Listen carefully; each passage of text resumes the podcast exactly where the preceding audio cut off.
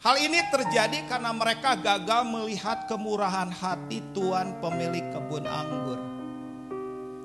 Mereka itu hanya menyangka kalau patokan satu jam sama dengan satu dinar itu adalah upah, itu adalah patokan.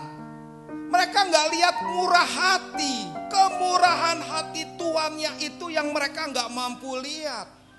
Jadi ketika mereka itu langsung melihat hal yang gak sesuai dengan patokannya, mereka langsung protes. Mereka komplain gak bisa terima. Kenapa satu jam dikasih satu dinar? Saya yang bekerja 12 jam. Kok dikasih satu dinar juga?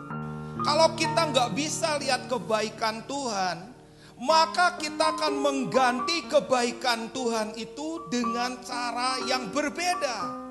Yang tadinya kita menerima anugerah, sekarang kita meng mengubahnya menjadi penentuannya adalah upah. Saya kerja lebih capek, saya kerja lebih lebih berkeringat, kamu nggak kerja. Saudara, itu yang menyebabkan orang yang pertama menjadi yang akhir.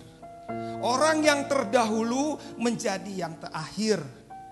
Itu yang menyebabkan ketika sudah nggak bisa lihat lagi kebaikan Tuhan.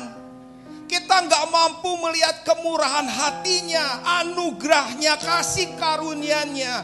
Kita nggak mampu lihat itu, maka lihat. Hari itu kita menjadi orang yang ada di posisi terakhir.